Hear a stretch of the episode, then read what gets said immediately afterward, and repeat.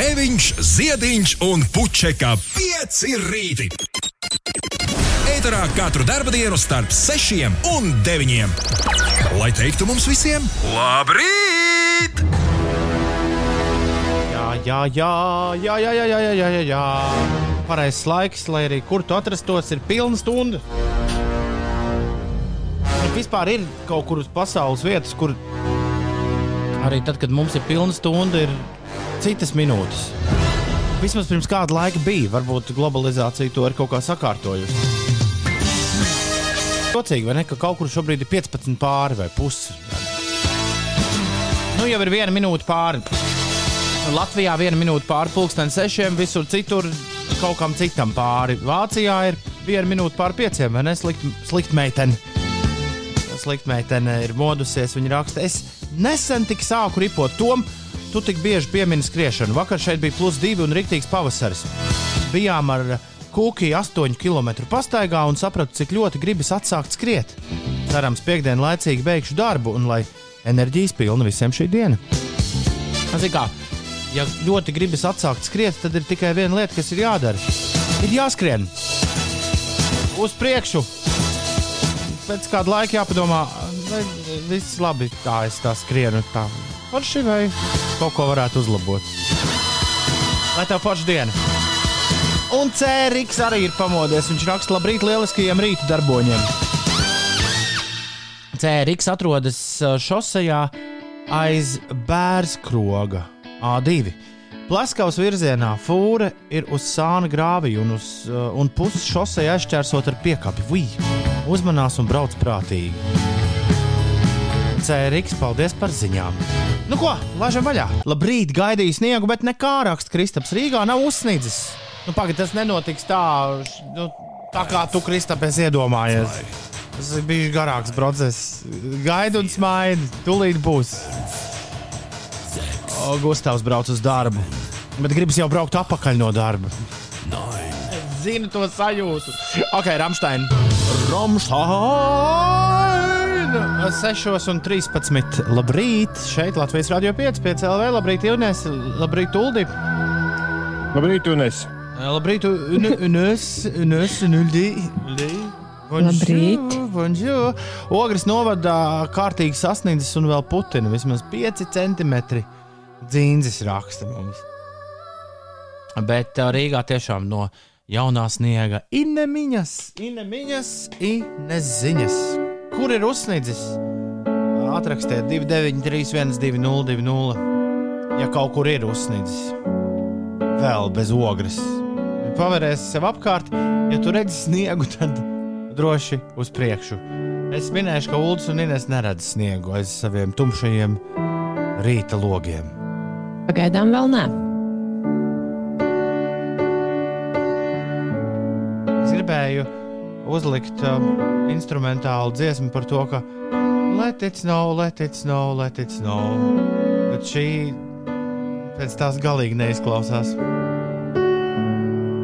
Šī ir tāda skumja dziesma, kur es pat nezinu, kā dziedāt.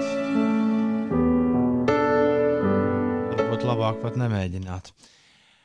Jā, 15 minūtes pārpusdienas sešiem. Kur tu jūs te bijāt? Abi divi zaķīši, kaķīši. Pacietīgi sēdēja pie sakrāmētiem datoriem, visa atvērta, gaidīja, ka tu atsūtīsi. Jā, tikai linku, nes, kāpēc jūs tikai pievienoties. 5 pār 6 sākāt interesēties, kur tas ir. Nu, bet ieslēdz radio, Toms runā, linka nav. Tā tad viss ir kārtībā, nav ko traucēt. Lai gan man viena brīdi man likās, nu, kas tas ir pamodies tik agri un nevar linku atsūtīt. Es jums ceru, vien, es jums mēģinu vienmēr atsūtīt uh, linku. Uh, uh, links šitiem abiem ir vajadzīgs. Es paskaidrošu pārējiem, jo ne viss ir uh, lietas kursā. Uh, links tiem tur, Ulim un Inesē, ir vajadzīgs, lai viņi varētu pieslēgties garāžas studijai, no kuras es raidu šo brīnišķīgo rīta raidījumu. Un uh, parasti es to viņiem atsūtu ap 5,52. Nu, ja ir vēls rīts, tad 5,55. Nu, bet nekad vēlāk par 5,58. Nu, jā, un es arī paskatījos, ka kaut kādos 55 secinājumu vēl nav. Ieslēdz radio, mierīgi darīja savus rīta tējas un ko te ko. Jo es zinu, ka rakstīt tajā brīdī, kur ir links, ir nu, vēl trakāk nekā neko neprasīt. Nu, labāk klausies un secini, ka viss. Galvenais, ka pasaulē viss kārtībā. Bet uh, stāsts ir interesants, jo mēs bijām samesti pirmo reizi šo visu mēnešu laikā. Mēs bijām dabūjuši linku pie mēstulēm. Tas ir tur... tāpēc, ka mums noteikti pārinstalēja visu pasta serveri kaut kad nesen. Nu, es nedomāju, jo aizvāju arī visu laiku no viena konkrēta e-pasta saņēmu e-pastus, un tad pēkšņi Es Nav. katru rītu, un arī mēstulēs, biju. katru rītu lai, man, lai Google nelemētos par to, ka es atstāju brīvu subjektu līniju. Man tur nav ko rakstīt katru rītu. Bet es bieži vien atstāju sev, piemēram, sūtot e-pastus kaut kādā. Tur man lamājas parasti tajā brīdī. Bet, uh, ja es atstāju, lai neatstātu brīvu subjektu līniju, es vienmēr uz dūlo saspiežu kaut kādus burtus uh, Inesam un Uldim. Līdz ar to viņiem pienāk e-pasts ar, ar uzrakstu ļoti bieži. Varbūt šorīt man netīšām kādas rūpības sanāca sarakstīt. Nu, nezinu, bet kāpēc, piemēram, Google nemet mēstulēs kaut kādas dumjās reklāmas, kas bieži vien atnāk uz e-pasta? Jau viņai to var iemācīt. Man, man met, man viss reklāmas nu. ir vai nu tajā reklāmas folderītī, vai nu mēstulēs. Bet es iegāju, apskatījos, tur ir arī mūsu Latvijas radio mācību e-pasts. Uh, visi ugunsdzēsības dienesta paziņojumi pēdējo dienu sakrituši. Šodienas, šodienas vēstules nosaukums bija Hilviga Cukcīcī. Hilviga Cukcīcī. Varbūt tas kādā valodā nozīmē nu, šausmīgi piedaudzīgi. Nu jā, un arī SPKC paziņojumi visi vakardienas ir iekrituši mēstulēs. Tā kā tur ir kaut kāda tīrības diena notikusi. Ne, kaut gan SPKC ik pa laikam iemet, un arī valsts ugunsdzēsības dienestu. Tas man, ah, tas man regulāri mēstulēs mētājs. Kur ir visi brīdinājumi, brīdinājumi. Tā kā tu, tu, tur loģika meklēts. Priekš kam, jā. Se, jā. 18 pār 6 ir pareizais laiks. Loģiku mēs turpinām meklēt laika prognozēs. Nu, vispār jau tas kļūst precīzākas ar gadiem ejot uz priekšu. Ines, ko tad prognozē šodien? Kurā brīdī sāksies lielais Armagedons Latvijā, ne bet Latvijas galvaspilsētā? Nu, šobrīd jau Latvijas austrumu un centrālajā daļā krīt sniegs, un ir arī slapjš sniegs. Savukārt rietumu Latvijā nokrišņu nav, tā liecina meteoroloģiskā informācija. Vietām pat labana sniega stipri un snikšanas un dūma, kas dēļ ir pasliktināta redzamība no, uz autoceļiem, un, protams, arī paši ceļi ir slīdeni. Dienas laikā šodien un rīt Latvijas lielākajā daļā sniks, daudz vietas stipri, bet piekrastē un austrumu novados gaidāms arī lietus, tā prognozē sinoptiķi. Kurzemē nav gaidāmi lieli lieli nokrišņi, visintensīvākā sniegšana šodien un naktī uz eh, trešdienu būs zemgalē, sēlijā un vidzemē. Un zem sniega segas var vietām arī lūst koki, pastiprinoties ziemeļu, ziemeļrietumu vējiem zemgalē. Rīgas pusē un kurzemē gaidāms arī putenis. Vēja ātrums brāzmās sasniegs 10-15 metrus sekundē. Valsts austrumos pūtīs lēns līdz mērens, ziemeļu un austrumu puses vējš un gaisa temperatūra 0,3 grādi. Rīgā ilgstoši sniks un puteņos gaidāms slapjš sniegs, pa laikam sniegšana kļūs vēl spēcīgāka un sniegsagas biezums.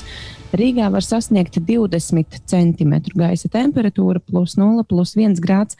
Nu, laika prognozēs ziņo, ka šobrīd tikai Rīgā jau tā palēnām, palēnām sāk sniegt. Es, jā, es skatos, vai vajadzēja būt, ka jau snieg, bet uh, nākot uz, nākot uz rīta ēteru, es neko cauri pagalmam tādu nemanīju.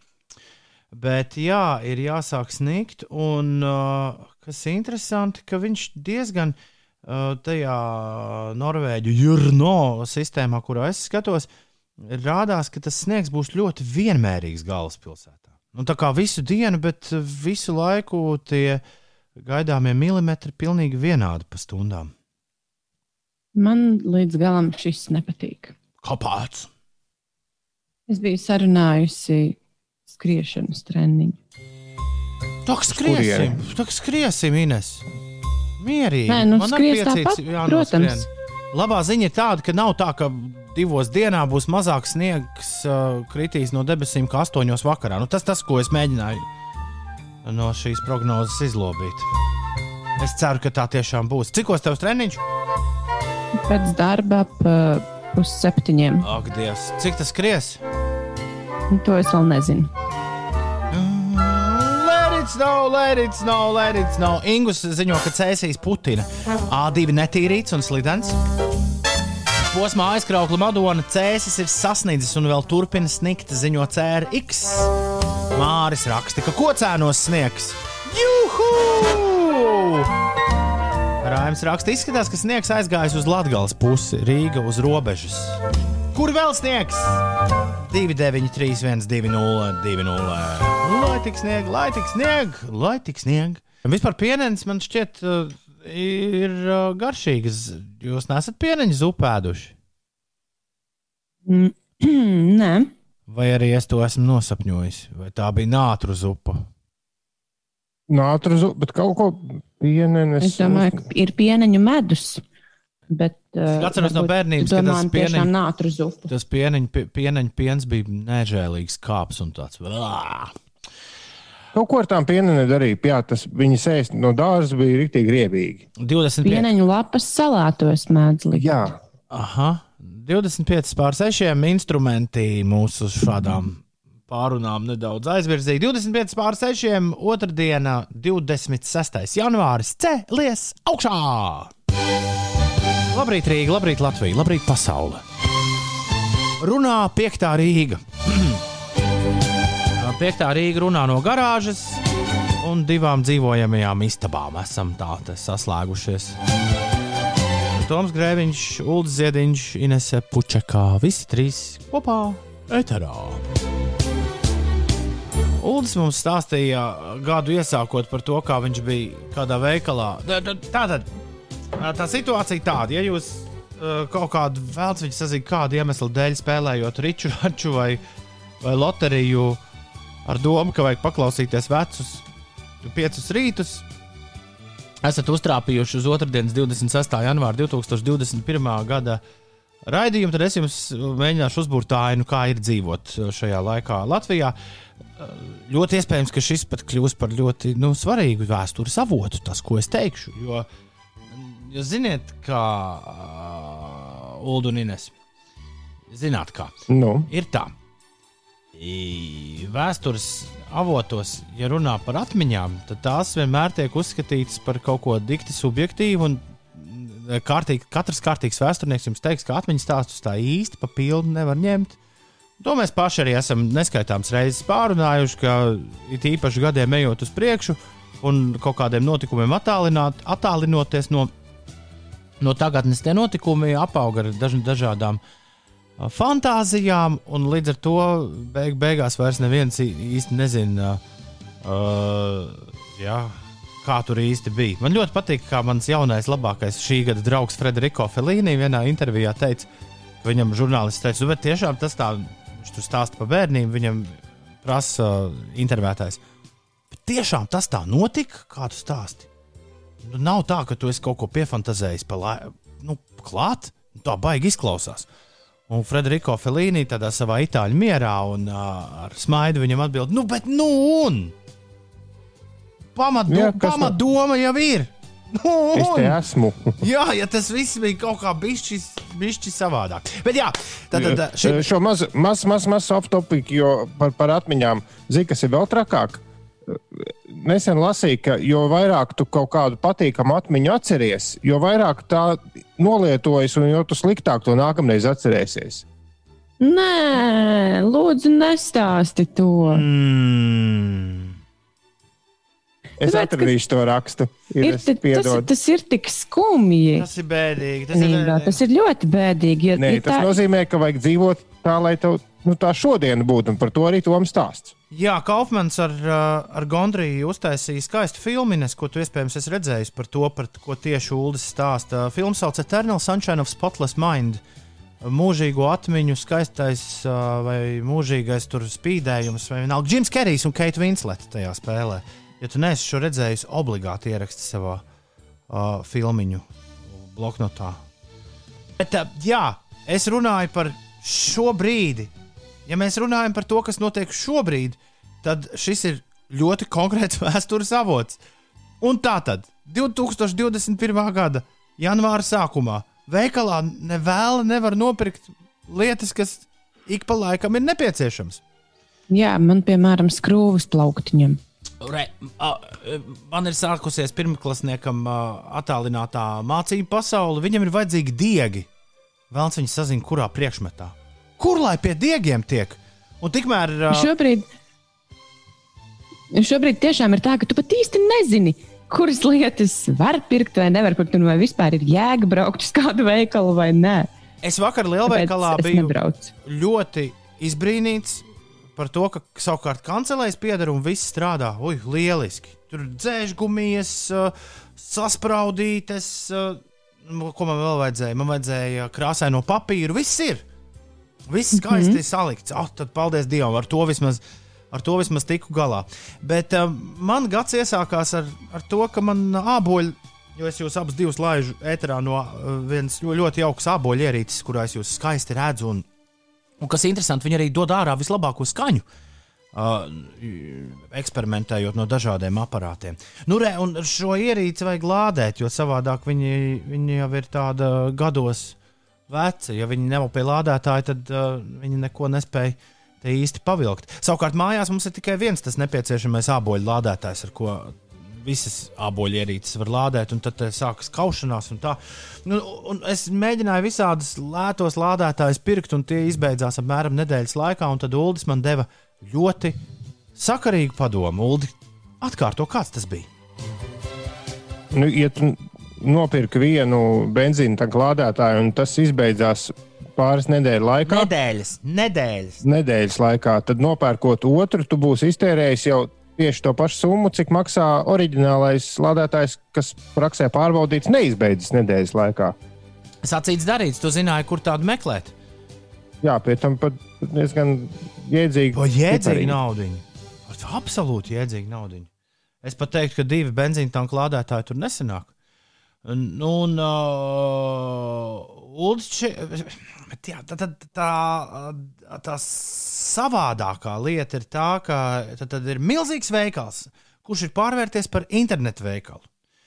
Bet uh, viņš galīgi neuzvedas kā internetu veikals Ines. Jo, Jā, kā pagaidi, paga, es nesapratu. Nu, tātad, tu nopērci mantiņu veikalā. Pirmkārt, tev ir sākās viss ar to, ka tev ir milzīgs uzraksts. Stundas laikā būs. Stundas laikā. Un es pirms piekdienas, pirms došanās mazā skrējienā, nopērku to lādētāju. Jē, nu, domāju, es skriešu, un tad es apskriešu tādu foršu riņķi apkārt. Gan drīz apkārt teikai. Un uh, aiziešu uz veikalu, veikalu, paņemšu savu lādētāju un laimīgs iešu lādēties mājās. Mhm. Nekādas ziņas nav. un es ieraugu, ka e-pastā rakstīts, ka septiņu, di septiņu dienu laikā varētu būt.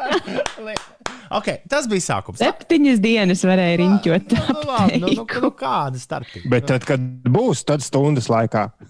Jā, un, ja nemaldos, arī kaut kādā interesantā brīdī, sestdienas vēlā pēcpusdienā pienāca apmēram 24 stundas pēc tam, kad es biju pasūtījis. Kā, jā, es varu nākt pakaļ. Nu, brīvdienās nekur es negribēju iet tur uz, uz to veikalu pusi, bet vakar sanāca iet uh, tur garām. Diezgan loģiski nogāja garām. Uh, un speciāli dēļ Ulu stāsta, kurš bija pēc darba dienas beigām uz turieni devies un nogaidījis pusstundu pēc savas preces, es domāju, haha, es apmānīšu visu sistēmu un iešu dienas vidū. Ines iedomājas, ir milzīgs veikals. Milzīgs veikals! Un kā tev šķiet, kur šajā milzīgajā veikalā izsniedz šīs internetā nopirktās preces?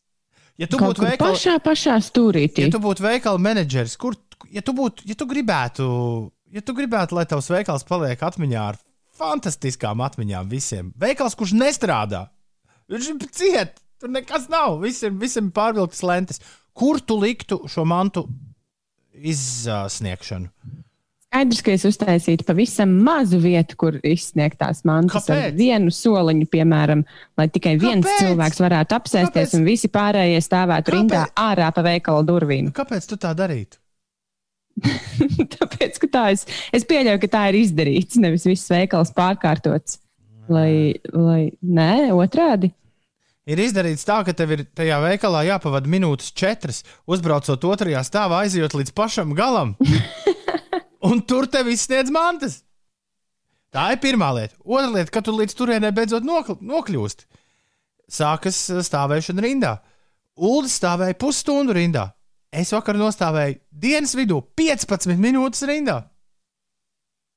Nu, kas Klausies, tur bet, pārsteidzoši? bet tad ir kaut kas. Nu, es pieļauju, ka kādam šis ir interesants, lai gan mēs neteiksim, kurā veikalā tas bija. Bet ir, tas nozīmē, ka ir, ir mainījies pasākums. Jo tad, kad es gāju, tad uh, viss, pasā, viss, uh, viss tā uzparīgi atgādināja vēlēšanu iecirkni.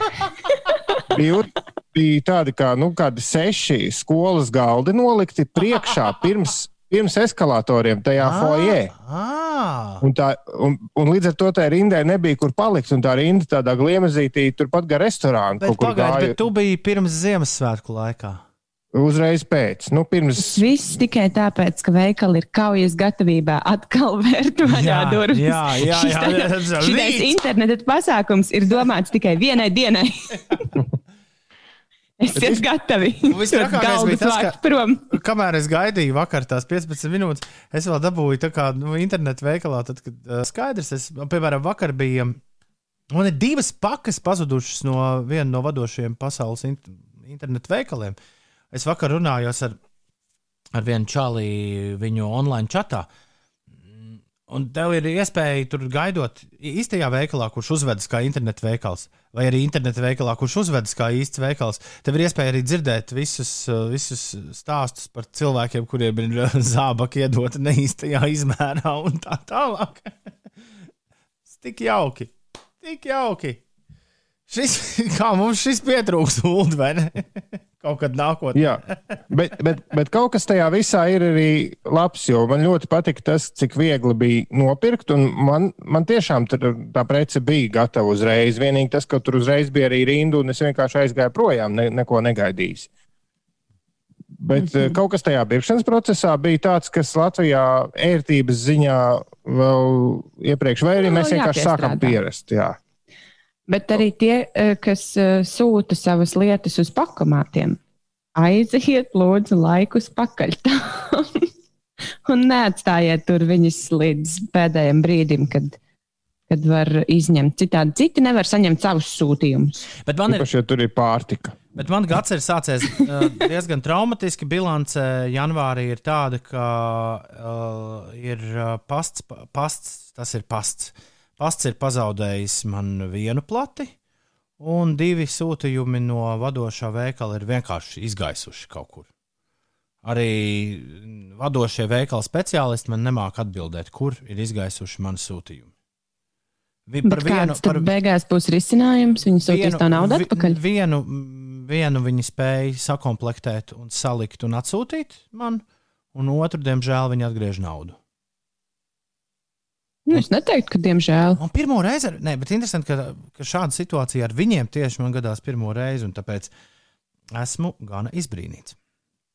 Vakar lasīju par vienu Āzijas uh, Pablo Escobaru, par milzīgu narkotiku karteļa šefu, kas ir aizturēts Amsterdamā. Un, uh, viņš, nu, viņš tiešām visu Āzijas reģionu, Austrāliju un Jaunzēlandu apgādājis ar visām aizliegtām vielām. Īpaši Austrālijā viņš meklēts. Un viņam bija princips, ka, ja jebkādu uh, izmēru paciņu savāc policija, viņš to bez maksas aizvieto. es nezinu, vai šī līdzība Lūk, servis. Mācieties visi. Jā, vai šī līdzība Nē, nu, internet patiks veikali, internetu? internet veikali tā arī dara, Ulu, jo viņi apdrošina tās pakas. Viņi jau, viņi jau nav dunduki.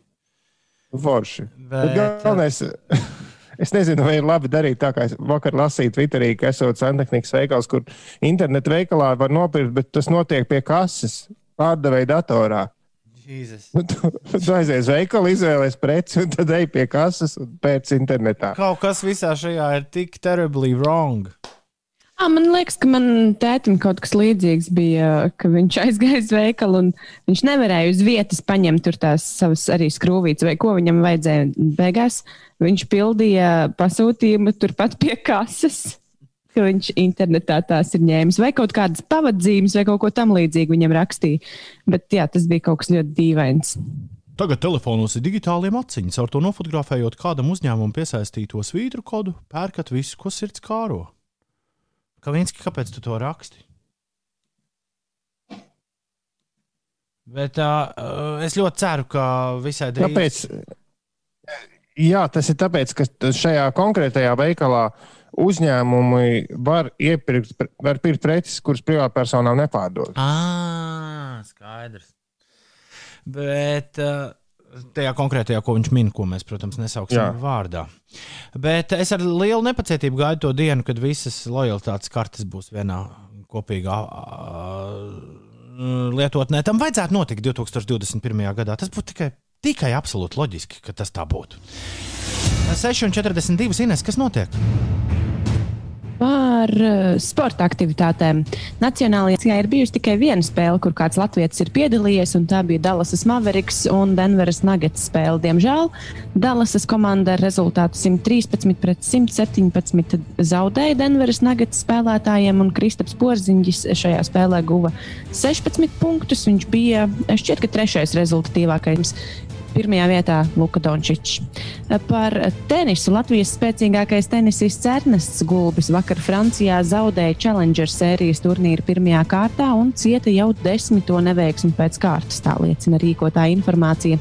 Gulbis cīņā par vietu astotdaļfinālā divos setos ar 4-6, 6-7 zaudēja itālietim. Federico Gajo. Tenisa profesionāļu asociācijas rangā Gulbis ieņem 185. vietu.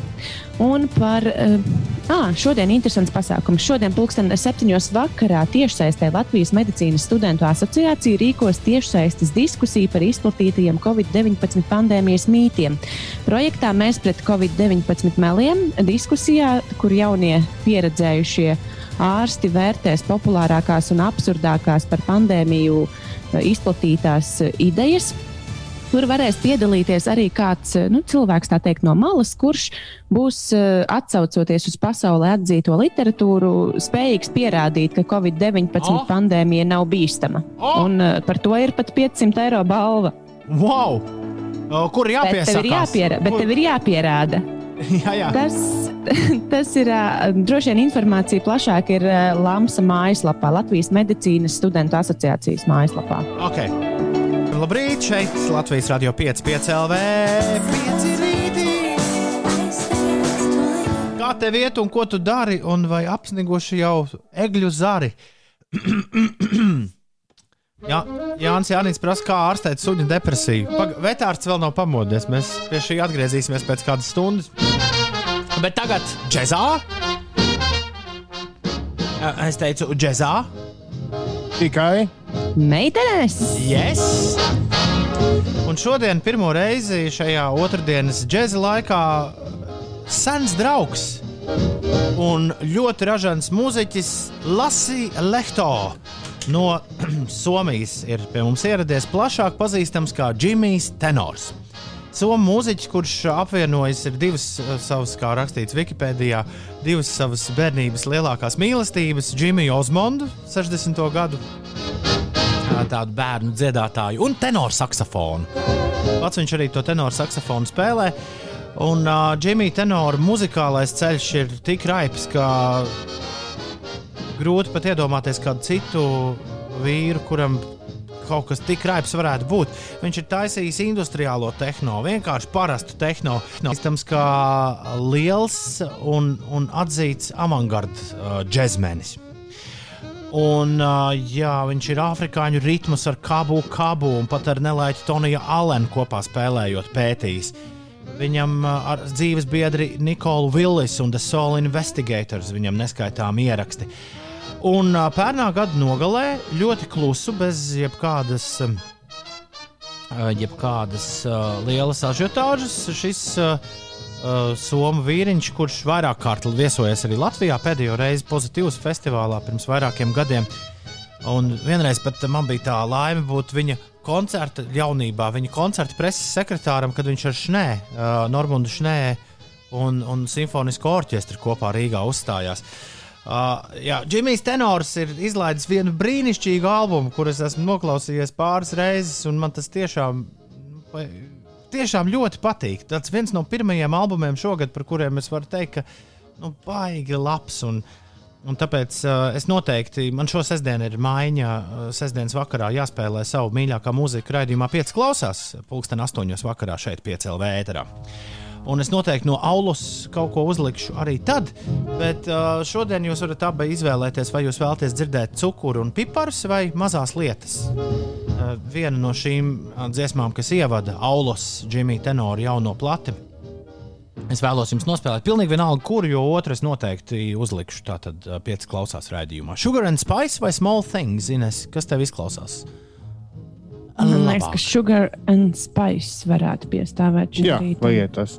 Jā, lai ir cukurs un pipariņš. Džimijs Tenors, dāmas un kungi, vislabākais somu džeks, kāds pēdējos gados bijis. That's what it's been so far.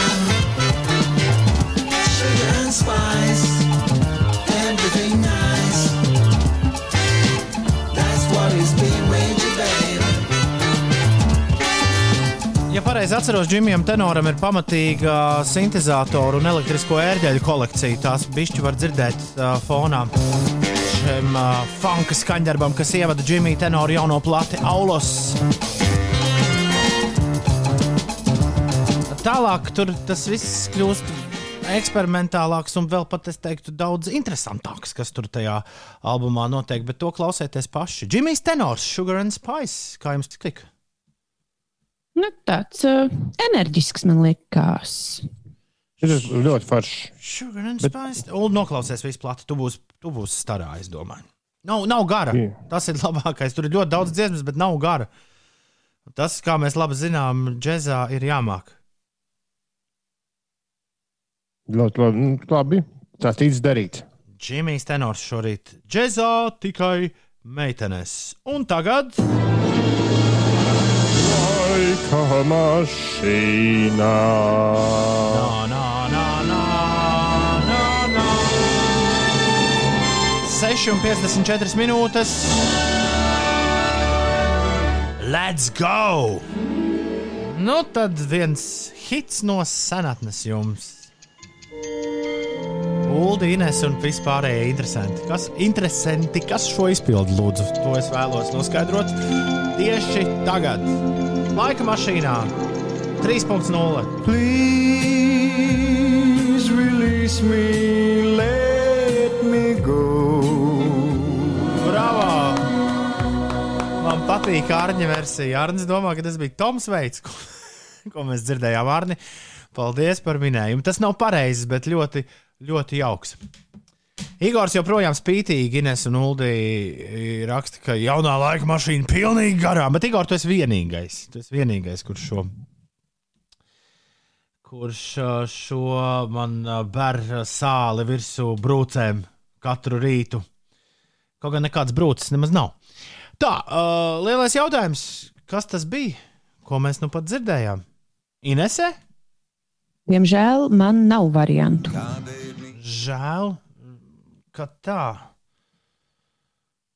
Jā, es, es ar savu mazo parasto austiņu gan arī vai ierāvu Elvisā, bet ieslēdzot radio un izdzirdot pirmo tu- nu, tur, to tādu jūtu kliedzienu balsī, man šķiet, ka tas tomēr ir Toms Džons. Tu šo mūziķi minēji vakar vai kaut kad pagājušās nedēļas beigās, kā vienu no iespējamajiem variantiem, Līvs Ričards? kaut kam, ko mēs klausījāmies. Tas bija Engelberts, nauda nesmirta Hamperdings. Padomju, va padomju varai viens no reti, reti tuvajiem rietumu mūziķiem. Engelberts Hamperdings šorīt uh, laika mašīnā ar Release Me un Sensīts Dainis un taksists Dīdzis pat uh, spēja to atminēt. Viņi zināja, kas tas ir. Nu, Sensīts no bērnības, Dīdzim acīm redzot arī kaut kāda darīšana bērnībā. Ar šo ir bijusi. Tā kā šorīt mēs tā ļoti labi esam uzkāpuši bišķi uz uh, netīrās veļas mazgāšanas un radio virtuves takas, tad atļaušos Ulim Ziediņam taujāt, kur ir mans scenārijs šī rīta raidījuma. Es tur, mm. tur, kur tam parasti ir jābūt, es tur nevaru viņu ieraudzīt. Es nu pat arī speciāli uzmeklēju 26.01. Šodien ir 28. janvārs, Ines, vai ne? Jā, jā, jā. Un es atradu 18, 17, 16, 15 un 14 gada raidījumus. Iedomājieties, mēs esam bijuši vienmēr, izņemot 2019. gadā, Ko tad mēs darījām 26. janvārī? Un 20. gadā arī nebija, jo jubilāra nav. Ah, sestdien, svētdien. Loģiski. Sestdien, svētdien, tāpēc mēs neesam bijuši ēterā. Bet, bet 14, 15, 16, 17 un 18 gadā mēs vienmēr esam bijuši uh, gaisā. Bet uh, es neredzu šīs dienas scenāriju. Nu, tagad gan jābūt. Tas vienmēr prasa pāris pogu spiedienus, lai saprastu, vai nu tagad ir. Kur tas bija pazudējies? Viņš bija manā privātajā Google Docs folderī. Mums ir Ah. piecu rītu kopīgais. Reizēm es uztaisu kaut ko. Nu, nes, esmu aizmirsis iziet un uzspiežu krievu dokumentu, un esmu uztaisījis to citur. Bet tagad ir atpakaļ. Viss. Forši. Huh, raidījums var turpināties. Vien pāris minūtes. uh, omulīgu sarunu, un esam atpakaļ zirgā. Ir astoņas minūtes pārpusdienas septiņiem. Labrīt! Labrīt, labrīt! Tā, šodien lūdzu neaizmirsti apsveikt Agnetu, Agni un Ansi vārdu svētkos. Ančiem šodien vārda dienā. Ansim pavasarim sveiciens. Komponistam Erikam Ešenvaldam šodien ir dzimšanas diena. Es viņu dienu uh, kaut kāds galīgs kuku biju uznācis, un es klausījos ārzemju kormūziku visādu. Es, Jā. es pavērās muti, cik Eriks Ešenvalds ir uh, populārs mm, kormūzikas pasaulē ārpus Latvijas robežām. Es kaut kā nebiju tam pasakojis līdzi. Dailas teātris aktierim un uh, slēpošanas meistaram Jurim Zagaram šodien ir uh, dzimšanas diena. Daudz laimes dzimšanas dienā Elenai Degeneresai, amerikāņu aktrisei, komitejai un sarunu šovu vadītājai Veinam Gretskim, uh, kanādiešu hokeistam Jose Mourinho, portugāļu futbola trenerim. Un, diemžēl, pērnā gada oktobrī no mums aizgāja Edijs Monheilens, vēl viens šīs dienas jubilārs. Lai tad viņam tur augšā viss labi. Sveiciens jums no Ivo. Ivo raksta loģiski. Šodien vēlāk izbraucu uz darbu. Es nedzirdēju, vai šorīt jau kaut kas bija par Eirovīziju. Ja es pareizi atceros, tad par Eirovīziju mēs tiešām neesam šorīt vēl runājuši. Jūs jūtat, Eirovīzijas tādi trakie, trakākie fani ir sākuši pieslēgties šim raidījumam, lai tikai dzirdētu atkal kaut ko, kaut ko tādu, ko citur nevar dzirdēt. Es vakar veicu izpēti, man bija svarīgi. Svarīgi šo to saprast par Eirovīzijas dziesmu konkursu šogad. Pieņemot, ka tas notiks un notiks tajos datumos, kuros ir paredzēts, un pagaidām viss ā, liecina par to, ka tā tas tiešām būs. Es Ines un Ulu secināju, jo man radās viena fantastiska ideja, kā nosvinēt savā labākā iedoma drauga Boba Dilana 80 gadu dzimšanas dienu, kas ir šogad 24. maijā. Tāpēc es uh, devos pie kalendāra pētīt, kāds būs mūsu Eirovīzijas, vai drīzāk mans uh, nu, Eirovīzijas kalendārs. Un sapratu, ka bišķi gatavoties Dilana 80 gadu jubilejai Eirovīzija traucēs. Dilanam ir dzimšanas diena 24. maijā.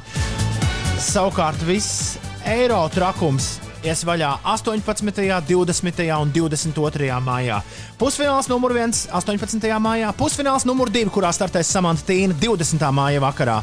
Un grand fināls, kurā šobrīd Samantai Tīnai ir rezervēta vieta, vismaz pēc pirmajām buļbuļsaktas prognozēm, kuras es šorīt esmu atvēris. Lielais fināls 22. māja vakarā. Tom, šī ir lieliska ideja svinēt savu iedomu draugu dzimšanas dienas. Vai tu katru gadu esi tā darījis? Nē, bet uh, 80 ir jānosvin. Iedomu vectētiņam pavisam noteikti.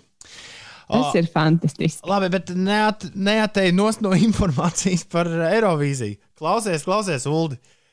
Is, no. Nu? Īslandiešu Dadijs Frairs, kurš ir nu, principā vienīgais, kurš tātad pēc pērnā gada nenotikušās Eirovīzijas ir uztaisījis savu starptautisku karjeru. Dadijs Frairs nav pirmajā vietā šobrīd prognozēs. Jā, es esmu par šo kaut ko dzirdējis.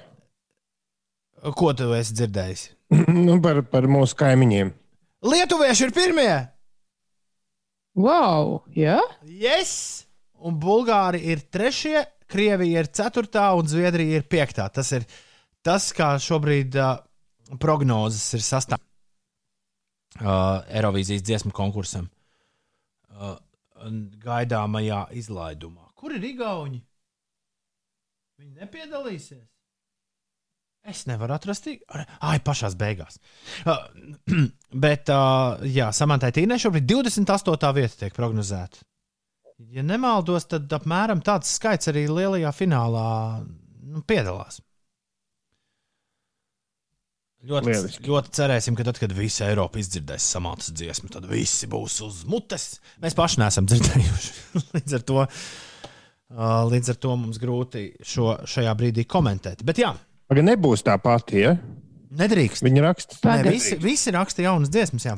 Vi- Viņi Bet ir, viņi ir uzrakstījusi. ir dzirdējuši Protams, ka samantīnas nē. jauno dziesmu. Šī Kā tad viņi var prognozēt? Viņi nav ko? arī dzirdējuši Lietuvas jauno dziesmu, viņi nav dzirdējuši Ir- arī Islandes Dadija Freira jauno dziesmu. Es domāju, ka šobrīd viņi pēc pērnā gada izskata spriež. Viņi cer, man ka liekas, ka Eirovīzijas uh, lietuviešu dziesma jau ir un redzama. Eirovīzijas oficiālajā lapā es to nesmu uzgājis šādu informāciju. Zini, ko, es, šī Eirovīzijas rubrika ir jau stipri ielgusi. Es uzlikšu Foo Fighters, pēc tam būs sejans ar busuli. Ir apmēram 10 minūtes laika tev uh, tikt galā ar Lietuvas Eirovīzijas dziesmu, pēc tam mēs pie šī varam atgriezties. Labrīt! Urā! Valmiera valka ceļš uzveikts, pagaidām ceļi netīrīti, bet ir braucami. Šoferīši Māris raksta. Nesam pārgalvīgi, un tad uh, ceļiem nav nevainas. Ir tā ziema, juhu!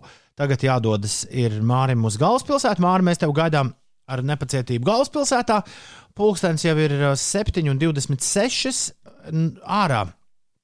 Es biju, es biju izskrējis, kamēr, kamēr mēs jā, klausījāmies Foo Fighters un Busulu un Sejānu. Uh, es biju izskrējis laukā, laukā sniegs, snieg, bet tas nav sniegs, kurš nonāk uz zemes, Ines un Uldi. Viņš paliek uh, vienkārši par lietu tajā brīdī, kad viņš nonāk lejā un vērojot, kāda ir prognoze šīs dienas temperatūrai, nu, nešķiet, ka kaut kas varētu mainīties.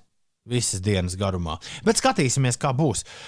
Pagaidām, vienmēr sakot, jauna sniega sēga nav uzradusies pagalmā. Tā vismaz mani novērojumi liecina. Ir jau 27 pār 7 minūtes, kas notiek. Nu, ja reiz iesāki par tiem laikapstākļiem, tad es paturpināšu. Latvijas austrumu un centrālo daļu sasniegusi plaša nokrišņu zona, kas sniegu un slapju sniegu nesīs visu dienu. Tādēļ spēkā Latvijas vidas geoloģijas un meteoroloģijas centra izplatītais oranžais brīdinājums. Snikšana būs ilgstoša, pa laikam stipra, vienīgi kurzemē sniks tikai mazliet. Visvairāk sniegs gaidāms eh, centrālajā daļā, Sēlijā, Zemgalē un Vidzemes dienvidu un rietumu daļā, tostarp Rīgas apkārtnē. Prognozes liecina, ka līdz trešdienai šajos reģionos uzsniks 15 līdz 25 cm svaiga sniega. Vējš daudz vietā būs lēns, tādēļ bieza sniega kārta krāsies uz koku zariem, un tas eh, var tos liecot laust. Iespējami arī pārrāvumi elektrolīnijās, būs sarežģīti braukšanas apstākļi, ceļi būs piesniguši, slīdeni, un sniegšanas laikā būs arī slikta redzamība. Kā jau iepriekš minēju, vismazāk sniega būs kurzemē, bet Latvijas austrumos sniegs brīžiem pāries lietu un var veidoties plašs apledojums, it īpaši uz reģionāliem autoceļiem. Gaisa temperatūra robežās no 0 līdz plus 3 grādiem un galvaspilsētā arī ilgstoši sniks, pēcpusdienā arī puteņos, jo vējš kļūs lēnāks. Un arī galvaspilsētā ar nelieliem pārtraukumiem snikšana turpināsies līdz pat trešdienai. Un šeit varētu sasniegt 15 līdz 20 cm sniega. Jaunākās prognozes liecina, RD mums raksta, kas tas ir Rīgas domas. Rīgas domas mums raksta, ka jaunākās prognozes liecina, ka spēcīga snikšana Rīgā sāksies 10 no rīta. Darba gatavībā ir visa ziemas uzturēšanas tehnika, kā arī 11 ūdens sūknēšanas vienības. Brauciet prātīgi! Paldies, Rīgas domas uzdevums. Uh, ir ā, 7,29. Mums ir jāatrisina reizi par Tas reizēm. ir Rīgas domas satiksmes departaments. Satiksmes departaments. Jā. Ir, ā, Satiksmes vadības centrs to rakstīja. Dāmas un kungi, mums ir jāatrisina Eirovīzijas Lietuvas mistērijā. Jo Uldis ir izplatījis fake news!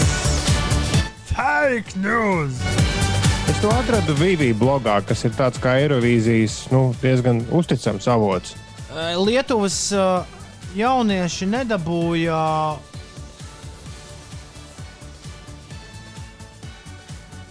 Kas tas ir? Es, ne, es neko nesaprotu. The search continues in Lithuania for Eurovision 21 as the last semi-finalists were selected. Kas ir noticis ar pērnā gada tiem tur rūp jauniešiem? Ak, Dievs, šis ir brīdis, kad ir jā, viss jāapstādina, ir jāliek kārtējā dziesma, un viss ir jāizlasa, un tikai tad par to mēs varam runāt. Jo, Nu, Būs šot Lietuvā būs fināls, un tam rūp ir garantēta vieta šajā finālā. Laikam. Makes sense. Jā, viņiem neiedeva tātad pagājušā gada Eirovīzijas lietuviešiem, kurus, starp citu, kļuva ļoti populāri. Daudz no jums arī ļoti priecājās par The Roop un dziesmu on Fire. Viņiem bija arī vairāk TikTok video, un kas tik tur vēl ne? Tā dziesma skanēja šādi. Un viņi arī vienu brīdi bija favorīti pērnā gada Eirovīzijai gatavojoties. Viņiem ir automātiski iespēja būt finālā, kur viņiem būs jāsacenšas ar uh, vēl citām dziesmām.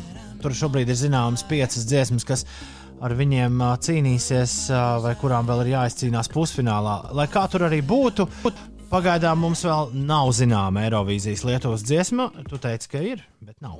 Nu, tie Vivi, Vivi bloks un uh, Eirovīzijas likmi licēji ir uzskata Lietuvu par favorīti, pieņemot, ka rūp būs fināli, nu, būs pārstāvi.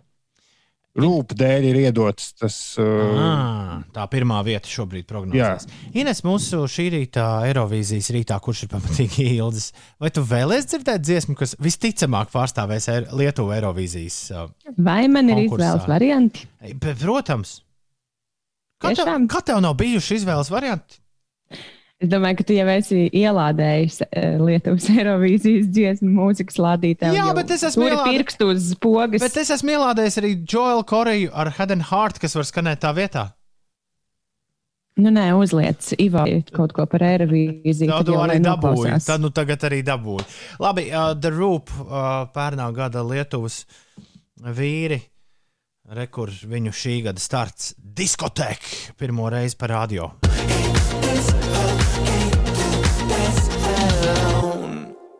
Un tad 23. gadā, ne, 22. gadā attālinātais konkurss Viļņā. Ja? Tā sanāk. Pagriezu skaļāk, Artis raksta, un labais uz uzvaru. Uldim arī šis patika. Tie bija Rupi, kuri ļoti iespējams pārstāvēs Lietuvu Eirovīzijas dziesmu konkursā 2021. gadā ar skaņdarbu diskotēku, vai arī, vai arī viņiem būs iespēja atkal rakstīt jaunu dziesmu pēc gada. Jā, bet, bet iemesls, kāpēc viņi ir, nu, tiek minēti kā favorīti, ir uh, mūzikas klips. At, viņi atkal ir salikuši pilnu klipu ar visādām TikTok mm, piemērotām Kustībām, kustībām. Nu, Nu, Skaidrs. tur ir dejas un deju kustības, un, un arī ziņojums, dejot vienam. Jo, ja, ja tu dejo viens, tas nozīmē, ka tu pilnībā esi pieņēmis sevi, un pieņemot sevi, tu tikai tad spēj pieņemt arī visus pārējos. Okay, ja pirms dažām nedēļām šķita, ka Dadija Freire ir uzvarējis Eirovīzijas dziesmu konkursu šogad jau pavisam ā, tā kā simtprocentīgi, tad ā, viņam ir uzradušies konkurenti. Vai drīzāk, es teiktu, tā mums ir jāsagaida, ā, kāds būs īslandiešu atbildes gājiens. Un to mēs visai drīz dzirdēsim, jo es saprotu, ka tur ir melna muti, miksē savu Eirovīzijas dziesmu. Tā kā turpināsim sekot līdz Eirovīzijas dziesmu konkursam, kas mums cits, draugi, mīļie, atliek. Patriša un vējš sniegu nes. Tas ir tieši tas, kas uh, šobrīd notiek, Ines, vai ne? Šobrīd vējš Jā. sniegu nes. Ir bez 20 minūtēm, 8. Kas notiek, Ines? Par sniegu mēs jau izrunājāmies mazliet par to, kas notiek citās valstīs. Prasības uzrādīt negatīvu Covid-19 testu dēļ uz Vācijas un Čehijas robežas veidojas satiksmes sastrēgumi. Cita veida ierobežojumi radījuši problēmas arī uz Čehijas un Austrijas robežas. Vācijas valdība pagājušajā nedēļā klasificēja Čehiju kā augsta riska valsti un tāpēc pieprasīja iebraucējiem uzrādīt 48 stundu laikā veiktu negatīvu Covid-19 testu. Pie robežas tāpēc ir arī izveidoti mobilie testēšanas punkti, taču tie nespēja apkalpot visus interesantus, un cilvēkiem nākas gaidīt vairākas stundas. Un abās pusēs robežai veidojas garas, jo garas automašīnu rindas. Un līdzīga situācija ir arī jā, uz otras robežas ar Austriju. Tālūk notiek citviet pasaulē. Un vēl par, par šī vakara gaidāmo diskusiju. Tātad, Šovakar, pulkstenis septiņos, tiešsaistē Latvijas medicīnas studentu asociācija rīkos tiešsaistes diskusiju par izplatītiem Covid-19 pandēmijas mītiem. Projektā Mēs pret Covid-19 meliem diskusijā jaunie un jau pieredzējušie ārsti vērtēs populārākās un ap absurdākās ar pandēmiju saistītās idejas un apgalvojumus, un šajā pasākumā varēs piedalīties arī viesis, kurš atsaucoties uz pasaulē atzīto literatūru, pierādīs, ka Covid-19 pandēmija nav nav bīstama un ir tikai iemesls, lai mūs visus kontrolētu, tad viņš arī saņems naudas balvu 500 eiro vērtībā. 500 eiro, kur viņi tādu naudu dabūjuši? Es nezinu, varbūt no kaut kādām biedru naudām vai kā. À, ne, varbūt iekrāts no pērnā gada jā, balvas Ziemassvētku, kas, jā, ne, kas nenotika. Nav tiešām notikušas balvas. Tā varētu būt, tā varētu būt. Labi, pieci rīta skatās TV. Kā katru otrdienu, tagad 7,42 rāda pulkstenis, un tas nozīmē, ka pieci rīta skatās TV. Un šoreiz varbūt neatbildot uz jautājumu, pa kuru laiku jūs skatieties tos seriālus. Tomēr atbildēšu, sakot, ka vakar mēs visi trīs piesēdām pie televizora, lai, lai paskatītos seriālu, par ko mēs runājam šajā rītā. Un uh, franču krimināla gabals, kas jau ir pieminēts nereiz vien šajā raidījumā, Lupēn. Tā tas jāizrunā. Bet raksta Lupin. Raksta Lupin, izrunā Lupēn. Šorīt uz paplātes. Pieci rīta skatās TV rubrikā. Seriāls ir atrodams Netflix, Netflix platformā, skatāms visā pasaulē. Un uzrādījis Latvijas skatītāko šovu topā absolūti negaidot, bez nekādas iepriekšējas ažiotāžas. Uh, seriāls gan svaigs, tas parādījās 8. janvārī, un šobrīd tam pieejamas ir sešas sērijas. Kopā pavisam būs desmit uh, sērijas. Un uh, nekas nav zināms par to, vai pēc tam vēl būs kāds uh, turpinājums uh, šim stāstam. Uh, pirms uh, ķeramies klāt sižetam un uh, morālei, uh, viens no galvenajiem uh, vīriem, kas pie, ir pievilcis skatītājus tieši franciski runājošajā pasaulē, ir uh, šīs filmas, šī seriāla galvenais aktieris Omars Sī.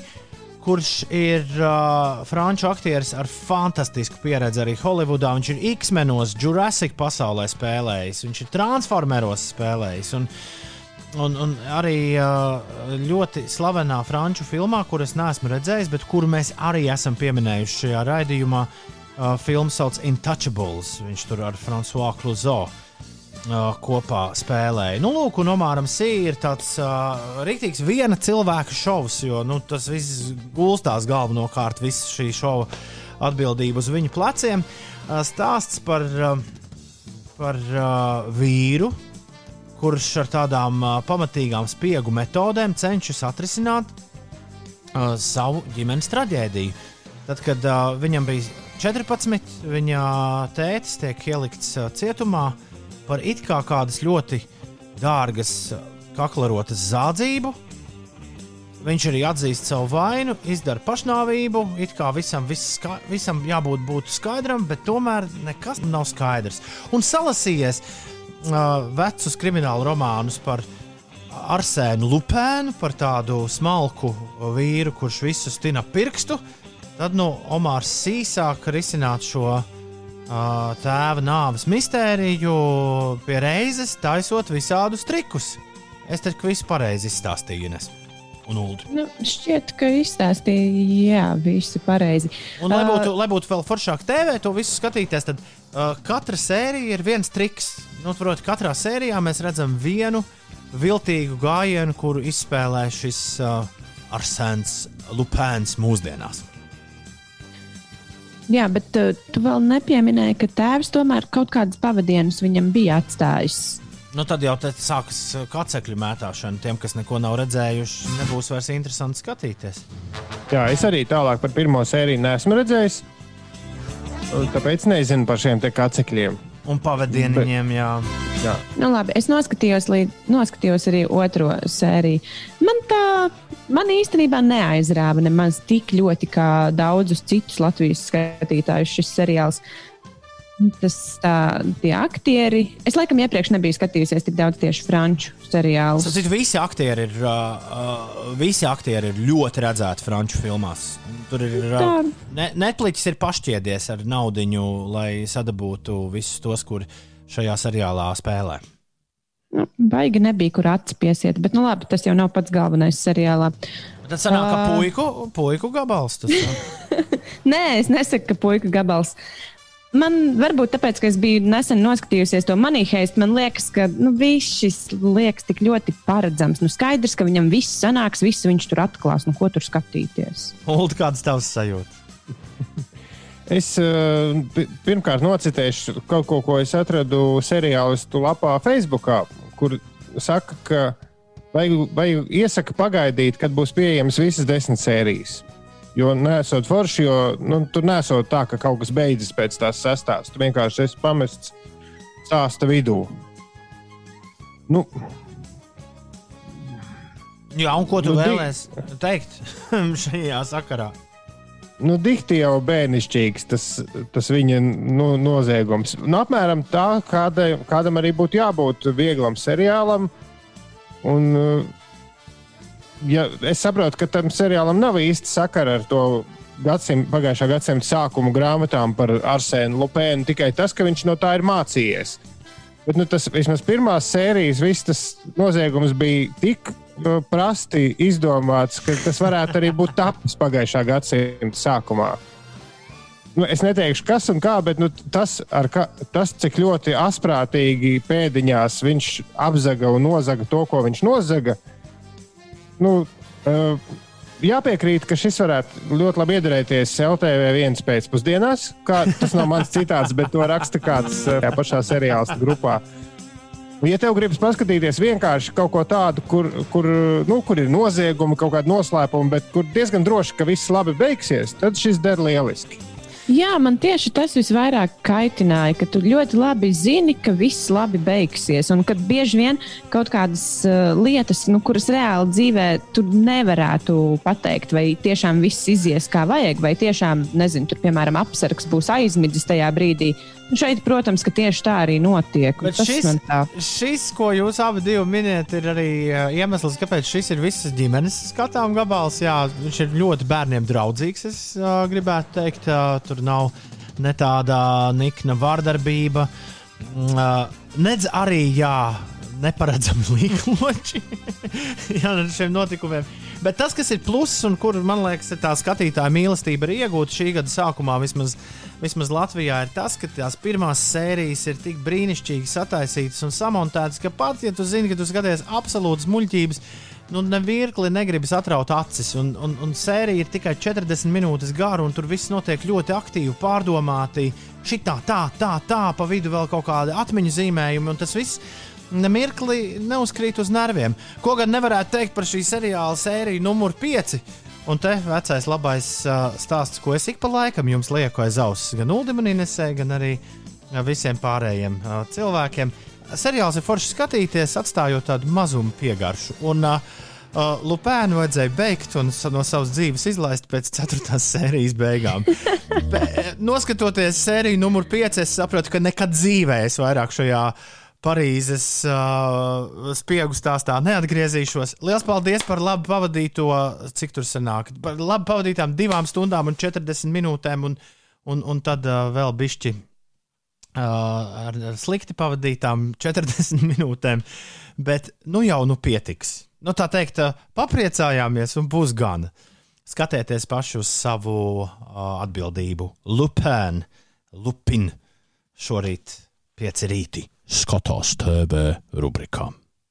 Ir bez desmit minūtēm astoņi, un šī ir vispopulārākā dāma šobrīd uz zemeslodes. Uh, Šo dāmu sauc Olivija Rodrigo. Varbūt nākamajā reizē, kad es spiedīšu play, viņa arī sāks skanēt. Uh, tas ir Artis Volfs, kurš ir iegājis manā datorā. Artis Volfs! Ah! Mārcis Volfs iegājis vienā datorā un kaut ko baksta. Kā lai es uzlieku Oliviju Rodrigo Uldi? Es varu rakstīt Wolfam. Rakstu viņam, au!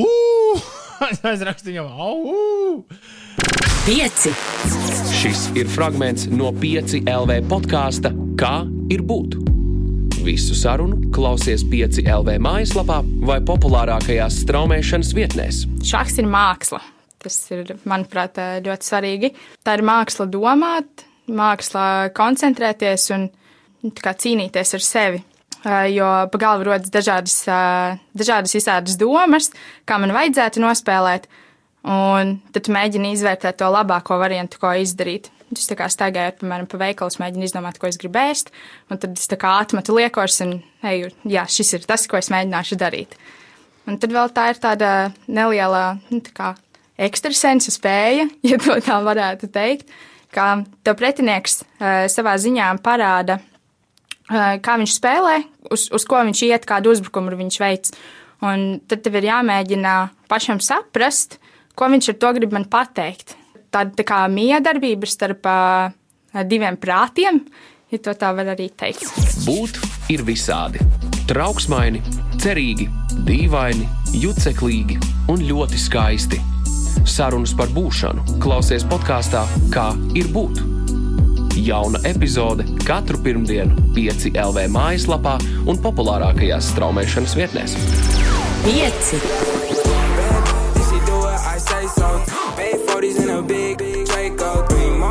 Uzgriez un ir! Jā, jā, jā, piecas minūtes pāri astoņiem ir pareizais laiks. Ir un būs labi. Ansim vārda diena, sports uz ielām, un būtu labi arī par radio. Diplomāti, labrīt. Uh, Ansim šodien vārda diena, pareizi arī tam Ansim. Nu, jā. Šonakt esmu šeit, un... bet mēs vakar spēlējām Anča sportu, man liekas, tieši šajā laikā diplomāti. Jāvelk autiņam slīdes un jālido uz rēzekni, raksta Odiņš. Labrīt, Odiņš. Un Jānim Jānītim ārā atkal atkal. Uh, Tāda spēle, labais. ārā atkal, atkal, atkal, atkal. Jā, jā. Jā, jā, jā, jā, bet jābrauc ir uzmanīgi un jāiet pa ietvi arī uzmanīgi, jo, nu, tagad būs ļoti jautra diena un rīt būs arī jautra diena. Tā vismaz vērojot laika prognozi, tā izskatās. Labrīt! Mēs esam visi tikušies, uh, atkal satikušies otrdienā, 26. janvārī. Ir 2021. gads, un kā jau minējām, visi sveic Ančus, Agnetei, Agnetei un Agnim arī ir vārdu diena. Sveiciens viņiem! Komponistam Erikam Ešenvaldam daudz laimes dzimšanas dienā. Dailas teātra aktieris, slēpošanas uh, instruktors gluži ne, bet uh, speciālists, jā, Žagarkalna. Saimnieks Juris Žagars svin dzimšanas dienu. Elēnai Deģeneresai, amerikāņu aktrisei, komiķei un sarunu šovu vadītājai dzimšanas dienu. Kanādiešu hokeja leģendai Veinam Gretskim, portugāļu futbolu trenerim Jose Mourinho. Dzimšanas diena. Un daudz laimes dzimšanas dienā arī tev, ja tev šodien ir dzimšanas diena. Tev iespējams ir dzimšanas diena. Tev ir dzimšanas diena, Ulu, šodien. Nē, Ok, tad tev mēs nevēlam daudz laimes dzimšanas dienā, bet tiem, kam ir dzimšanas dienas, tiem gan mēs uh, vēlam daudz laimes dzimšanas dienā. Es uh, uh, skatos, kam šodien dzimšanas dienas, bet vairāk nevienu ļoti populāru cilvēku neredzu, kam ir šodien dzimšanas diena, kas būtu obligāti jāapsveic. Un tāpēc 8,8 minūtēs mēs šajā rītā dodamies tālāk ar uh, rīta disko. Laiks bišķi izkustēties. Robina un Dancing on my own. Latvijas radio 5, 5 LV. Labrīt!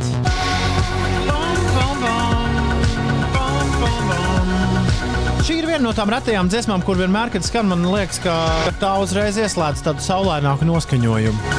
Ja es nebūtu nu pat paskatījies ārā pa logu, Ines, man liktos, ka ir saulains un, saulains un ļoti patīkams rīts.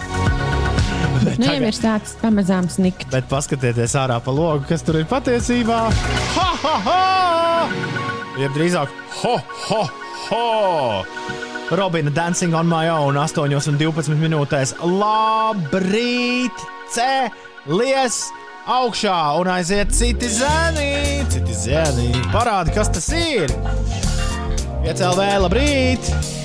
Uh, jā, kārtīgs sweater weather šajā rītā aiz logas. Sveiciens visiem, kas mostas un lēnām gatavojas attālinātajai dienai, vai arī sāk to jau uh, mājas oficiālos, lai jums, uh, lai jums feina diena, draugi, un uh, lai veicas. Ines, pastāst, kas notiek? Sākoties stiprai snikšanai Rīgā ceļu uzturēšanas darbos soli iesaistīt visu pieejamo tehniku. Spēcīgas snikšanas laikā pārvietošanās Rīgā varētu būt apgrūtināta, tādēļ ir svarīgi ievērot piesardzību, saulaicīgi plānot maršrutu un, protams, ieturēt eh, distanci braucot pa ielām.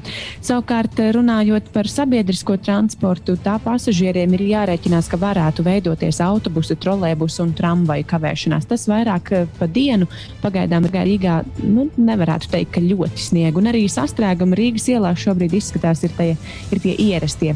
Kroksils baložu pagrieziens eh, prasīs 6 minūtes, Kruspils ielā 7 minūšu aizkavēšanās un kas tad vēl pa ielu? Uh, Vestienas, Vestienas iela šķiet, ka tā ir.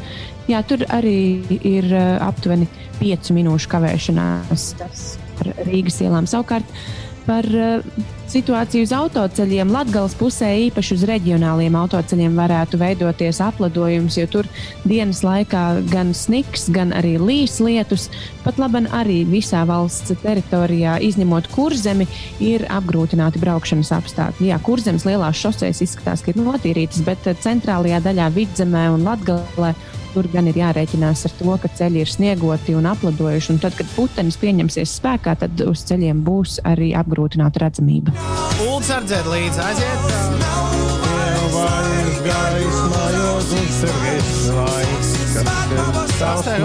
Uzsilis sirmais, ko dzērt? Dons un signāls 8,24 šeit piecēlē. Labrīt, labrīt, labrīt, labrīt! Tā. Uh, es zinu, jūs tam nesat gatavi. Bet uh, šādas lietas notiek negaidot. Līdzīgi kā Olivija vēlams, viņa sazina, kāds viņai tur uzvārds, kas uzrādās Rodrigo Fomita.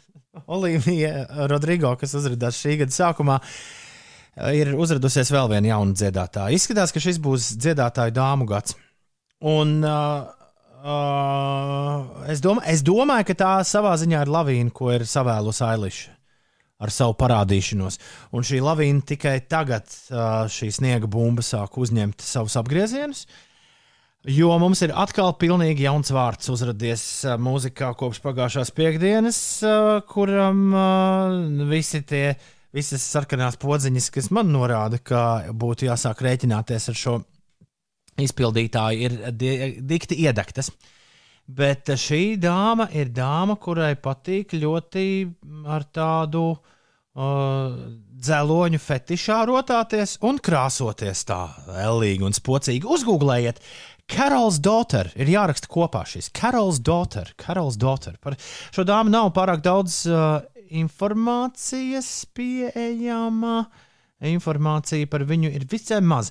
Bet eh, es, es sazīmēju to, ka viņai ir 18, viņa nāk no Kalifornijas, konkrētāk bija San Diego, ja nemaldos.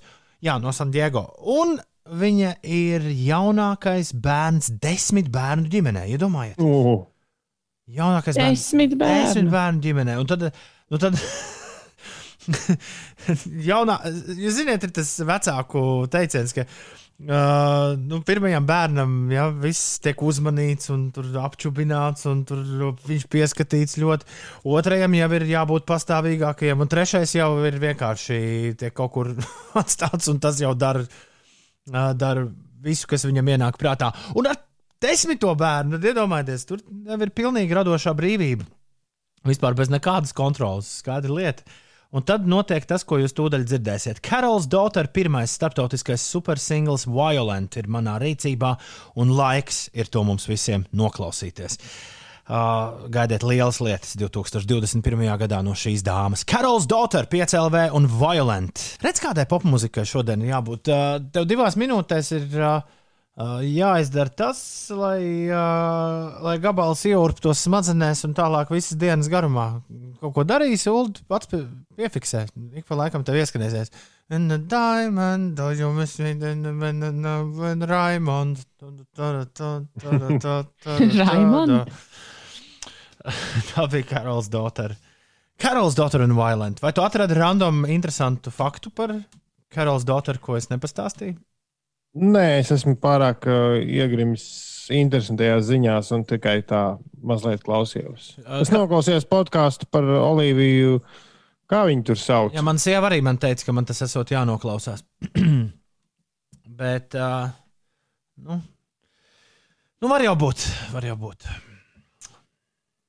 Pri, Bet ko es no tā nav- iemācījos? Tikai to, ka, tikai to, ka nav nekā pilnīgi jauna šajā pasaulē.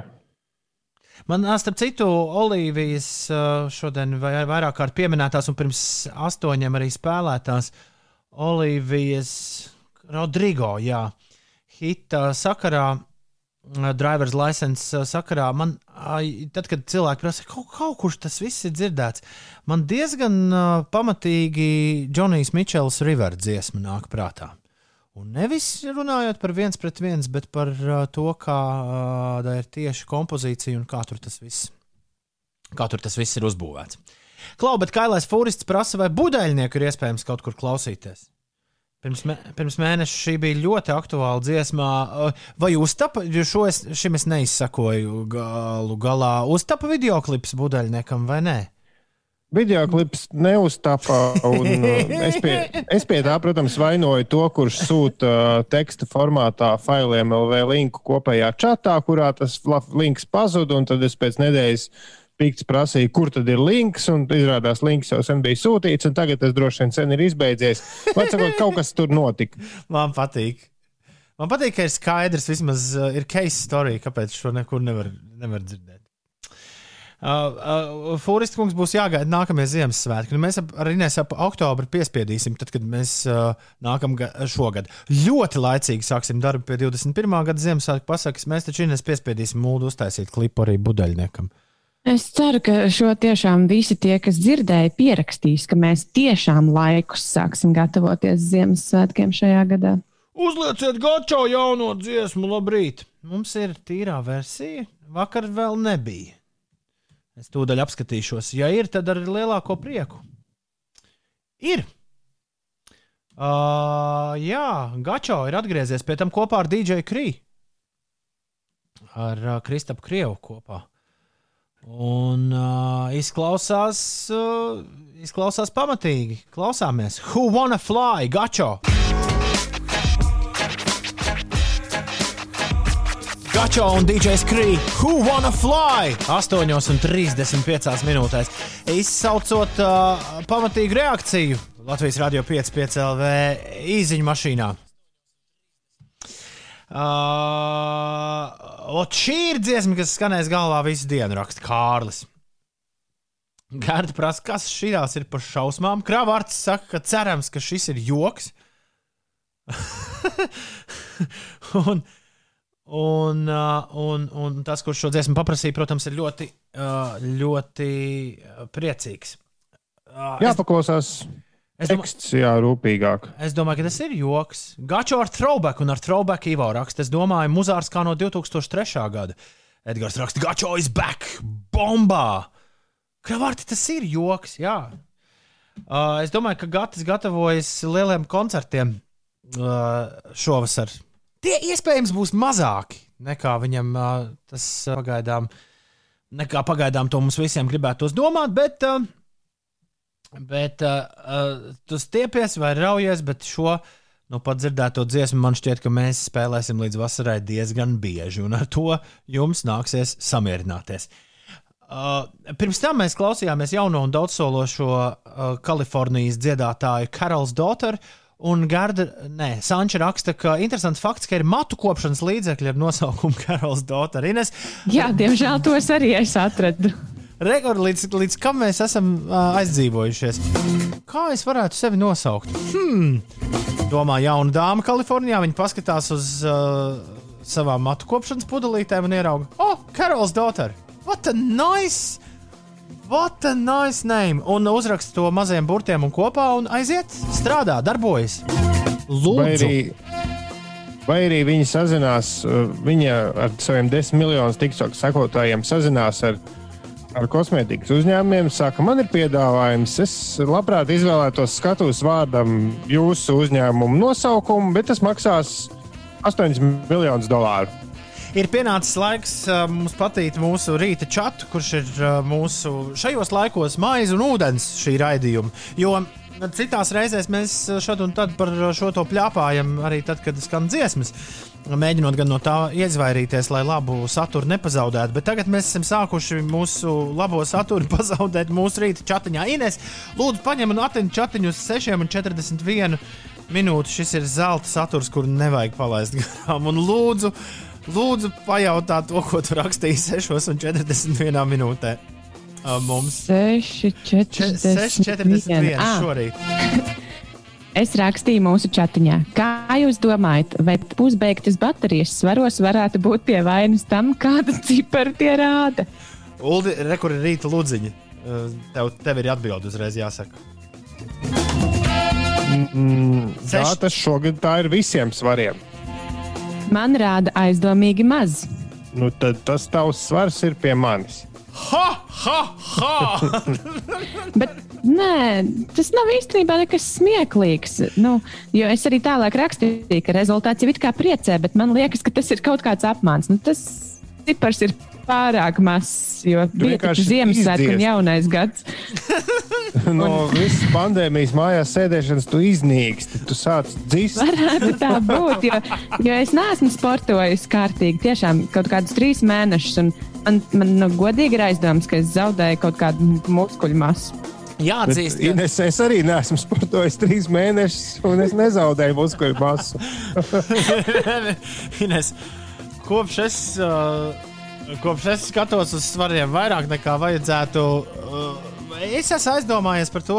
Es gan nezinu, cik viņi maksā, bet, bet vai tu zināji, ka ir gudrie svari uzradušies, kuri, Tik gudrie. Kas saslēdzas tur rēķina ko- kaut ko? Jā, viņi tur saslēdzas kopā. Ar, Nu, tādi ar man apmēram arī šie ir. Oh. À, ar lietotnēm, nē, jā, jā, jā, jā, man, jā, jā. Jā, es, es pat tādu iegādu esmu bijis aizdomājies. Tas būtu interesanti, ka tev pāranalizē visu to stāstu nu, tādā plašākā griezumā. Bet, ā, bet man šķiet, ka Ulas pēc tam uh, uztaisīja rezumē arī ar atbildi. Mēs neprasām atbildes no jums. Sindija raksta, Ines, tu esi drosmīga. Es šobrīd nekāpju uz svariem vispār. nē nu, es, es kāpu tiešām ar lielām bažām. Man bija bail. Bet, bet kad uzkāpu, tad likās, oh, wow, ir mazāk nekā bija pirms Ziemassvētkiem. Un tad es sāku, nu, man tas cipars liekas neticams. Tāpēc, eh, tāpēc es domāju, ka tur kaut kas nav kārtībā ar baterijām. Nu, Un Ulim bija sakāmais. Ulu pabeidz radio ludziņu. Tev bija svari, kuros bija izdzisuši gandrīz gaismiņa. Jo baterijas bija Ā, nu, jā, kad baterijas nevar maz izbeigsies, baterija diez vai ietekmēs svāru, ko tas rāda. Jo man vienkārši nu, cipariņi sāk dzist ārā, bet svars jau kāds ir, tāds ir. Bet, Ines, tu izskaties arī labāk ā, nekā pirms gada šajā laikā. Tagad Man, jā, Nu, video. Jā. Instagramā Atceries, var-. Nē, nē, es, ko tad? Nē, nu es, nu, es uztīšu kādu. Uh, Ines gadu vecu bildi, lai pateiktu, vai tā ir. O, jā, tiešām. sveiki! Par gudriem svariem dzirdēju stāstu, ka tika pieķerta mīļākā, kas uzkāpa uz tiem, kamēr sieva darbā. Aivars raksta. Jā, tas ir. eh, Tur ir tāds āķis. Wow, jo es- cik interesanti. Nu, Nevajag nu kā jau- vest uz mājām. Nevajag ļaut uz svariem kapt. Nē, nu, to viņas izdarīs, prasīts, neprasīts. Nevajag uz mājām. Kurš ved uz mājām? 8,42 minūtes ir pareizs. Uz, uz garāžu. Drīkst ieiet dušā, bet dieva dēļ nekāp uz svariem. Ines vajag pastīties, vai svariem zem kājiņas nav kas pieķēries. Jāpārbauda, vai tie stabili stāv uz grīdas, rakstīja Ilze. Ines izstāsta labāk, kas notiek. Jā, turpmāk ar svariem es tā arī darīšu. Šodien visas dienas garumā ir gaidāma pamatīga sniegšana visā valsts teritorijā, nu, izņemot, kur zeme būs apžēlota šodien. Bet jā, cilvēkiem ir jārēķinās, ka sniega kārta varētu palielināties par. eh, 15 līdz pat 25 centimetriem, un kas zīmīgi šodien būs Vismaz dienas pirmajā pusē mazs vējš, tāpēc eh, sniega sega krāsies uz koku zariem un tos uh, liekas, un tie varētu lūst, iespējami ir arī pārrāvumi elektrolīnijās. Un pēc tam jau vakarpusē vējš pieņemsies spēkā, un tad arī veidosies putenis uz autoceļiem, būs uh, slidens un apgrūtinātu braukšanu veidos ne tikai ceļa segums, bet arī sliktie redzamības apstākļi. Par aizvadītiem sporta notikumiem Nacionālajā Nacionālajā, Nacionālajā basketbola asociācijā Dallasas Mavericks ar rezultātu 113 pret 117 zaudēja Denveras Nuggets vienībai. Kristaps Porziņš šajā spēlē guva 16 punktus, un Latvijas tenisists Ernests Gulbis Francijā zaudēja Challenger sērijas turnīru pirmajā kārtā un cieta jau desmito neveiksmi pēc kārtas. Reinis raksta, pandēmijas sēdēšanas laiks mājās ir lieliski iespēja piedomāt pie tā, ko ēdam. Un man tas veiksmīgi izdevies. 5 kg nost. Reinī, apsveicam. Bet redz, tur ir, nu, Tur ir uh, tam kokam pavisam noteikti divi gali. Ir viena iespēja piedomāt par to, ko ēdam, un otra iespēja, man liekas, ir pamatīgi paēst kārtīgi. Ērglis no Liepājas ezera rakstā, nav, nav apdalīta Liepāja. Sniegs, sniegs, juhu, sniega un putina. Jums sen nav bijis, vai ne, Ērgli? Monika raksta, kad strādāja Anglijā, Anglijā gudrie svari, tikai vienreiz izdevās nosvērties, jo laikam sakrita svars ar īpašnieci. Pārējie uzreiz pukstēja vai vispār neslēdzās iekšā. Un diplomāts raksta, vakar dikti domāju par ULDA SMS, uh, ko lasīju, ka ģimenē parasti nav četri datori. Jo tā taču ir. Nezinu, kāpēc par to tik daudz domāju, bet aizķēru. Bet tu gribi teikt, ka ģimenei vajadzētu četrus datorus. Es domāju, ka Es domāju, ka manā nu, tā ģimenē, vakar bija izreikināts. Manā ģimenē pavisam drīz arī gan jau ka būs. Kailais Fūrists ir otrās opcijas piekritējis. Viņam plus 11 pa pandēmiju. Lūdzu. Un tik daudz man nav. Paldies, tas mazliet. Augšā, augšā! Celies, celies! Vēlies, vēlies! Laiks beidzot mums kaut ko interesantu papļurkstēt. Tāpēc uh, Ziediņš ar puķeksu un grēviņu atbalstu ir sagatavojis interesantās ziņas. Tā, nu vērsim avīzi vaļā, Ines. Kas tad rakstīts interesantajā avīzē? Šobrīd par spīti pandēmijai labi speciālisti tiek meklēti, kā ar uguni un darba piedāvājumu netrūkst. Te vēl viens Kādam vai vairākiem viedokļu līderiem ir iespēja kļūt par autoru leģendārajā Rolling Stone žurnālā, precīzāk tā mājaslapā, pievienojoties, kā paši Rolling Stone raksta, inovātoru, influenceru un gaumes veidotāju komunai. Kā kļūt par vienu no Rolling Stone autoriem un cik par to maksās? The Guardian ir izpētījuši pieteikšanās procesu, un tur ir kāds āķis. Pirmkārt, ir jāiztur diezgan nopietns uh, konkurss, un otrkārt, jāmaksā būs tev pašam.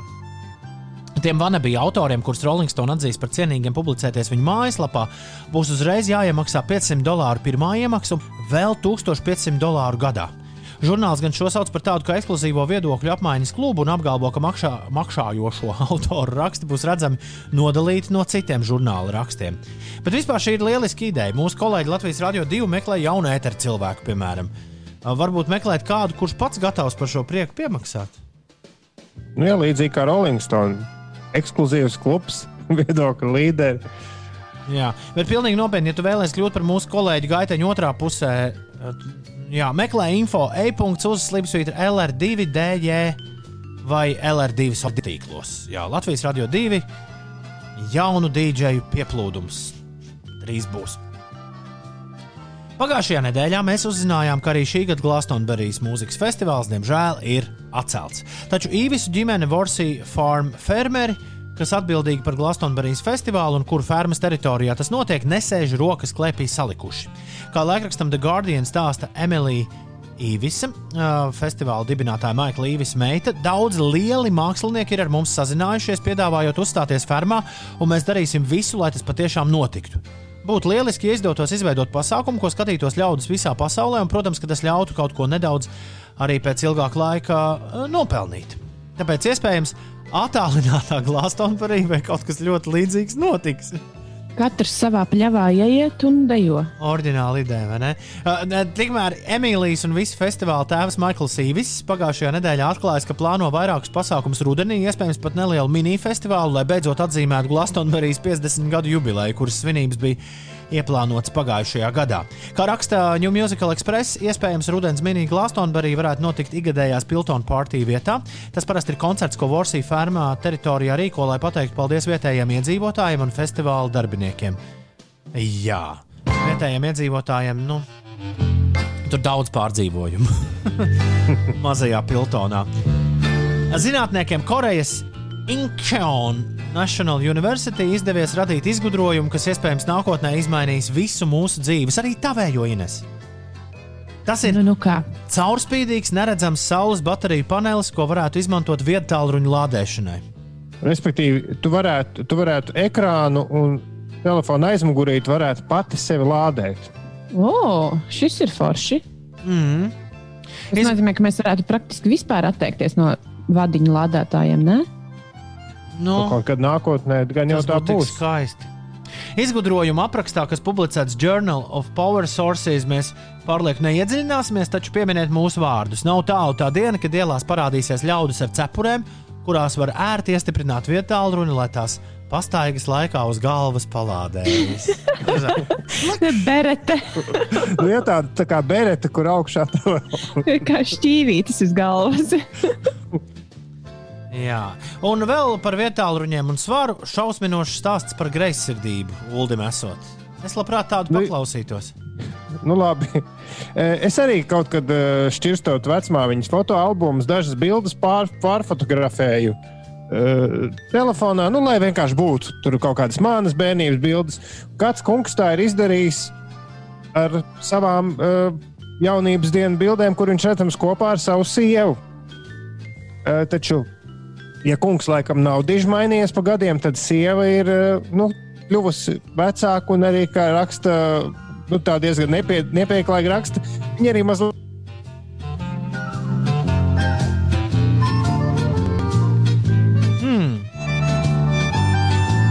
Un Uldis un Inese pazuda tālumā. Kāds dabūs pa biksēm? Nu, tas, kurš atklāja jaunu randiņu un tikšanos mūsu vēl randiņu laikā.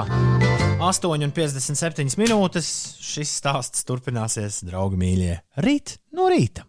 Jā, labi, ka arī rīt no rīta būs 5 rīta raidījums, vai ne? Vēl pagaidām nekas nav zaudēts.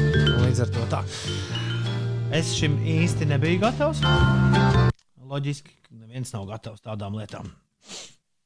Bet, nu, lai skan pēdējais rīta valsts, tev, man, arī Ulim un Inesai. Visiem!